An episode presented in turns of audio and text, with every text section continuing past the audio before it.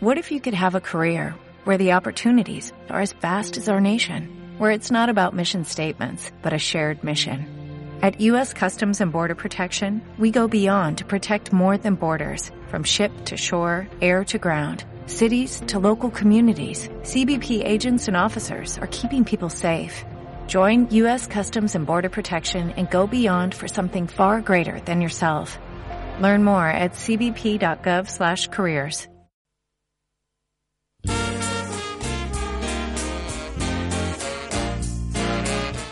La teva ràdio de proximitat. Vallvei Ràdio.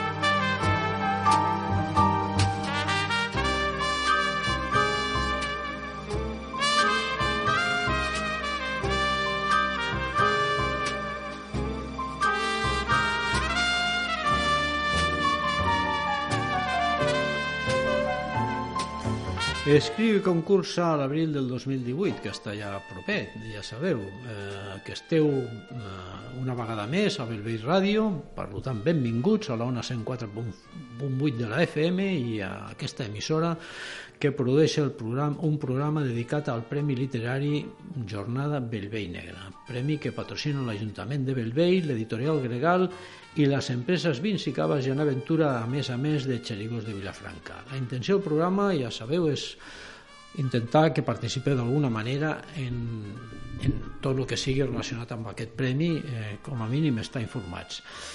Actualment eh, estem encetant una sèrie de diguéssim, entrevistes amb autors que es presenten per tal de que facin la defensa de les seves novel·les. Avui, precisament, hem estat trucant una sèrie de personatges d'aquests autors que es presenten, cinc concretament, i no, no hem trobat a cap d'ells que a l'hora del programa poguessi participar. Per tant, ens dedicarem a, a llegir la sinopsis de les seves novel·les per tal de que si teniu interès, com ja sabeu, que podeu votar per cas d'empat tècnic entre algun d'aquestes novel·les per part del jurat, doncs vosaltres trucant al 977 80 no sé si és 67 o 87, 67. 977 16 80 67.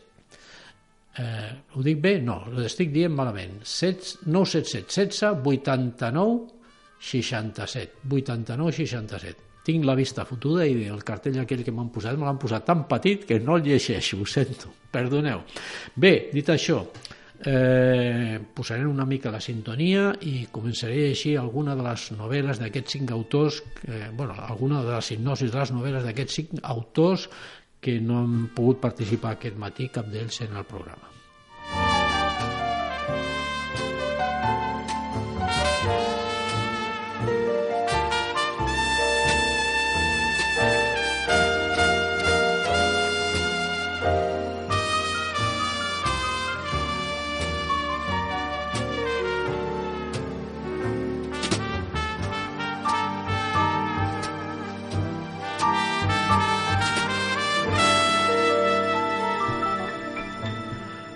Bé, començaré per llegir una novel·la que l'autor que la presenta la titula El legado de la casa Lindman. La seva sinopsis eh, o trama de l'obra eh, és la següent. Situa la, els fets, eh, només començar, posa una data que és 1958. I diu així, Anders Bremen, un hombre admirado y respetado, antiguo alcalde del pueblo de Sirilund, en el suroeste de Suecia, encuentra por casualidad una valiosa estatua de bronce enterrada en los jardines de la Gran Casa Roja, mansión solariega que fuera propiedad de Axel Lindman, uno de los miembros más prominentes del partido nazi sueco. Además de anfitrión de fastuosas fiestas a las que acudía toda la juventud de la comarca, incluyendo el propio Bremen, Intrigado por la aparición de la estatua que se suponía robada o vendida 18 años atrás, en 1941, por la época en que Lindman apareció ahorcado en el desván de la mansión en un caso de aparente suicidio, decide investigar por su cuenta las extrañas circunstancias de la muerte de su antiguo vecino. Bremer, que siempre sospechó de nazis suecos rivales, de Oscar, el medio hermano de Axel, e incluso de la inteligencia militar alemana, cuya presencia en Suecia durante la Segunda Guerra Mundial era notoria, retoma el hilo de la madeja de odios y rivalidades en el nacionalismo sueco, al tiempo que se interna en el cenagoso terreno de las actividades de los agentes alemanes de la Suecia neutral intimidada por la amenaza que para su democracia representaban las clases cada vez mayores exigencias del Tercer Reich, aunque ni siquiera su inquisitiva lucidez puede imaginar lo que encontrará al final de la madeja. Bueno, sitúa la trama uh, just just en una època nefasta del segle XX la història europea que du a cabe que aquest, uh, aquesta història pot ser interessant i per tant ja m'havia escoltat el que proposa l'autor de El legado de la casa Lindman. Eh, llegit això, mm, la següent novel·la que he intentat contactar amb l'autor i que tampoc ha pogut participar en el nostre programa d'avui és eh, una novel·la que l'autor ha titulat El cuchillo de Hadi i té una sinopsis bastant breu. Eh, comença. ¿Cómo perseguir a quien transita entre el mundo real y el de los seres sobrenaturales? Un gigantón atormentado desde su infancia, una brutal violación, un grupo de delincuentes dedicados al tráfico de estupefacientes y a la extorsión, sacrificios sobre la superficie del mármol de una iglesia, la fachada de un viejo edificio completamente cubierta por el tapiz de miles de insectos. Y en el trabajo policial diario, con una ciudad sumergida que ofrece crímenes horrendos y enigmas de caracteres indescifrables, dos agentes. La subinspectora Beltrán y el inspector Herrera. Lideran una investigación mientras soportan a soplos, perdón, a soplones y altos mandos luchando contra el abismo de la soledad, la maternidad i l'addició a les drogues. Bé, suggerent i suposo que aquests dos inspectors i subinspectors deuen ser els Mossos d'Esquadra i la ciutat deu ser bueno, alguna ciutat de per aquí a la vora. No puc definir més. Ja sabeu, haveu escoltat això i per tant podeu opinar. La tercera novel·la que tampoc he trobat a l'autor i que podem parlar de la sinopsis o de l'argument eh, es diu Estaco. Uh, sembla ser que que participa o que és d'una sèrie de novel·les en què participa ja un, un, un investigador, no? un investigador privat, a més a més perquè ho dic perquè ara us donareu compte que comença per dir, per dir el següent. El presente relato narra uno de los casos de Juan Ollero, investigador privado en edad madura al que siempre acompaña su fiel amigo Magín. Això em recorda una mica a, a Plinio i, i, i, i el senyor Lotario, aquell, de, aquell, aquella parella del García Pavón, però bueno. Eh, es la segunda entrega de un personaje que en su juventud fue una mente prometedora, pero que por diversas circunstancias no llegó a ser lo que esperaba. Sin embargo, con la ayuda de Maigin y su fuerza de voluntad, acabará por construir un yo ficticio, John Pottery, un alter ego que devolverá a su capacidad analítica todo aquello que perdió por el camino. Ese yo ficticio tiene a su vez a Magin como ayudante, y es en realidad una proyección del más famoso detective de todos los tiempos. En esta segunda entrega aceptan el caso de Cristina Tarazona, una chica atormentada por no haber hecho caso de su único familiar vivo, un tío que tras perpetrar un posible robo intentó pedirle ayuda. Al interesarse de nuevo por él, resultó que éste había caído por la ventana de su piso. A lo largo de la historia se sucediendo situaciones diversas, desde las cotidianas aportaciones de Imagina a la prensa gratuita hasta las más curiosas y extravagantes vividas en los museos.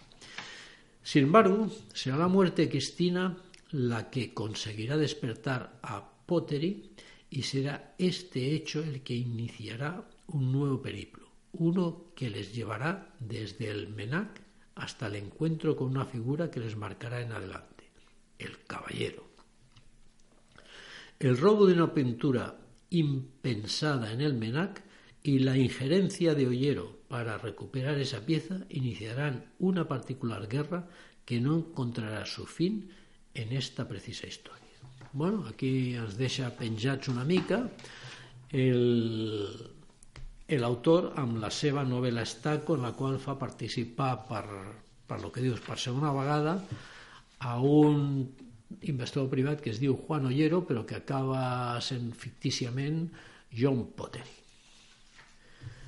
Passem ara a, una, a a un altre autor que tampoc ha pogut participar el programa d'avui i per tant podem llegir la seva sinopsis la novel·la es diu M amb M i comença per dir eh, citar segurament, no sé si deu ser el protagonista però deu ser el protagonista, un nom i a més a més el una situació molt divertida perquè el defineix com a escriptor bé, sinopsis de M amb M Jaime Barral, escritor de novelas románticas, viaja a Berlín para visitar a un matrimonio del que es amigo desde su época universitaria. Al llegar al domicilio de la pareja, le sobrecoge la noticia de su asesinato. El veterano comisario Martin Waterfeld, miembro de la LKA de la policía de la capital alemana, es el responsable de la investigación junto a los inspectores Mann y Boll, cuyas personalidades son totalmente opuestas. El asesinato ha sido pertrechado de manera sádica con escarabajos de museo, domésticos y carnívoros. Y el autor ha dejado en la escena del crimen, pintada con la sangre de las víctimas, la macabra frase Bun is viel schöner. Coloreado es mucho más bonito. En la Lankenkriminalen, eh, que es la oficina estatal de la policía criminal, Barral conoce a Johanna Sonnenberg, una periodista, una periodista íntima de los fallecidos, que le ofrece su casa para pasar la noche y le sirve de guía por la ciudad y por el entorno de sus amigos. Otros españoles emigrados al inicio de la crisis económica de mil, del 2007. El dolor por la muerte de sus amigos sirve para crear una intimidad entre ellos que desemboca en una relación amorosa. Johanna contacta con una antigua pareja, Peter Esser, que le proporciona los avances realizados en la investigación gracias a un confidente dentro de la LKA. La pintada es la misma que las halladas en Bremen ocho años atrás en los asesinatos de dos niños. Hasta allí viaja el comisario Waterfeld para averiguar el nombre de un posible sospechoso, Moritz Stein. Barral y Joana descubren la correlación entre los asesinatos y las siete travesuras recogidas en el popular cuento infantil Max und Moritz, escrito por Wilhelm Busch en el siglo XIX. A partir de esta revelación, comprueban que se han cometido otros dos asesinatos con anterioridad y que siguen los parámetros del libro. La aparición de un nuevo cadáver en el interior del horno de una panadería donde trabajó el propio Steins y la información proporcionada por Barral pone al comisario tras la pista del sospechoso que ha huido a... Bien, aquí queda la sinopsis de M M. El últim dels que hem entrevistar és un personatge, autor, que ha presentat una novel·la titulada Viaje a lo desconocido. Eh, que la novel·la està protagonitzada per una jove nord-americana, perquè la sinopsis de Viaje a lo desconocido comença de la següent manera. Jennifer, una joven norteamericana que cursa sus estudios en España, desaparece en el aeropuerto de Barajas, minutos antes de coger su avión rumbo a Estados Unidos. Después de que el novio de Jennifer denunciara su desaparición, el caso es asignado al inspector Domenech y a la subinspectora Paniagua. Y aunque ambos ya están investigando la desaparición de un niño de ocho años en un parque de Vallecas, la comisaria Barceló les encarga dicho asunto cuando se tienen constancia de que ambos casos están relacionados, según el vídeo grabado por las cámaras de seguridad del aeropuerto. Las personas que secuestraron a la estadounidense son las mismas que estuvieron merodeando por el parque la tarde que se apareció el niño de Vallecas. Al día siguiente, un vagabundo se presenta en comisaría para anunciar el secuestro de un amigo suyo, también indigente. Ante algo ante algo así, la policía comienza a pensar que se trata de una organización criminal dedicada al secuestro de personas. Mientras tanto, Erika, una joven hacker de vestir estrafalario, pero hija de gente adinerada, contacta con una página de Internet de las tantas que pululan por la Deep Web.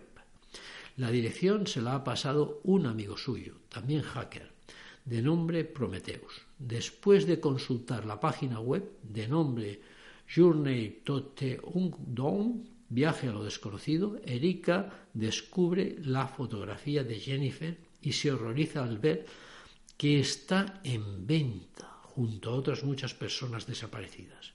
Cuando sabe de su desaparición, Erika se pone en contacto con James Crowley, el padre de Jennifer, el cual ha venido a España. Bé, fins aquí puc explicar lo que representa la novela Viaje a lo desconocido. Ja sabeu que us he parlat d'una sèrie de novel·les que ara us citaré perquè tingueu present cada una d'elles. He començat per la trama d'una obra que es diu El lecado de la casa Lindman. Després us he parlat del cuchillo de Jade, Després, la tercera novel·la que he llegit la sinopsis és Stacco. La quarta és una novel·la que es diu M amb M i la cinquena és Viaje a lo desconocido. Eh, he intentat contactar a, primera, bueno, a mitja hora del matí amb tots autors i mm, cap d'ells ha pogut participar per, per motius mm, o de feina o de qualsevol altre que no han pogut. Per tant, per això hem procedit a llegir les seves sinopsis i si us ha agradat alguna d'elles i voleu donar-li puntuació ja sabeu que podeu trucar al 977 16 89 67 que com el sé memòria, encara que no el veig, pues, pues el dic. I penso que no m'he equivocat aquesta vegada. Bé, pues fins aquí el programa d'avui de Bellvei Negre i eh, la setmana vinent espero tindre més sort i que algun dels autors que, que vulguin participar o que puguin participar al programa eh, defensin les seves novel·les i no tinc jo de llegir simplement la seva sinopsis. Fins la setmana vinent.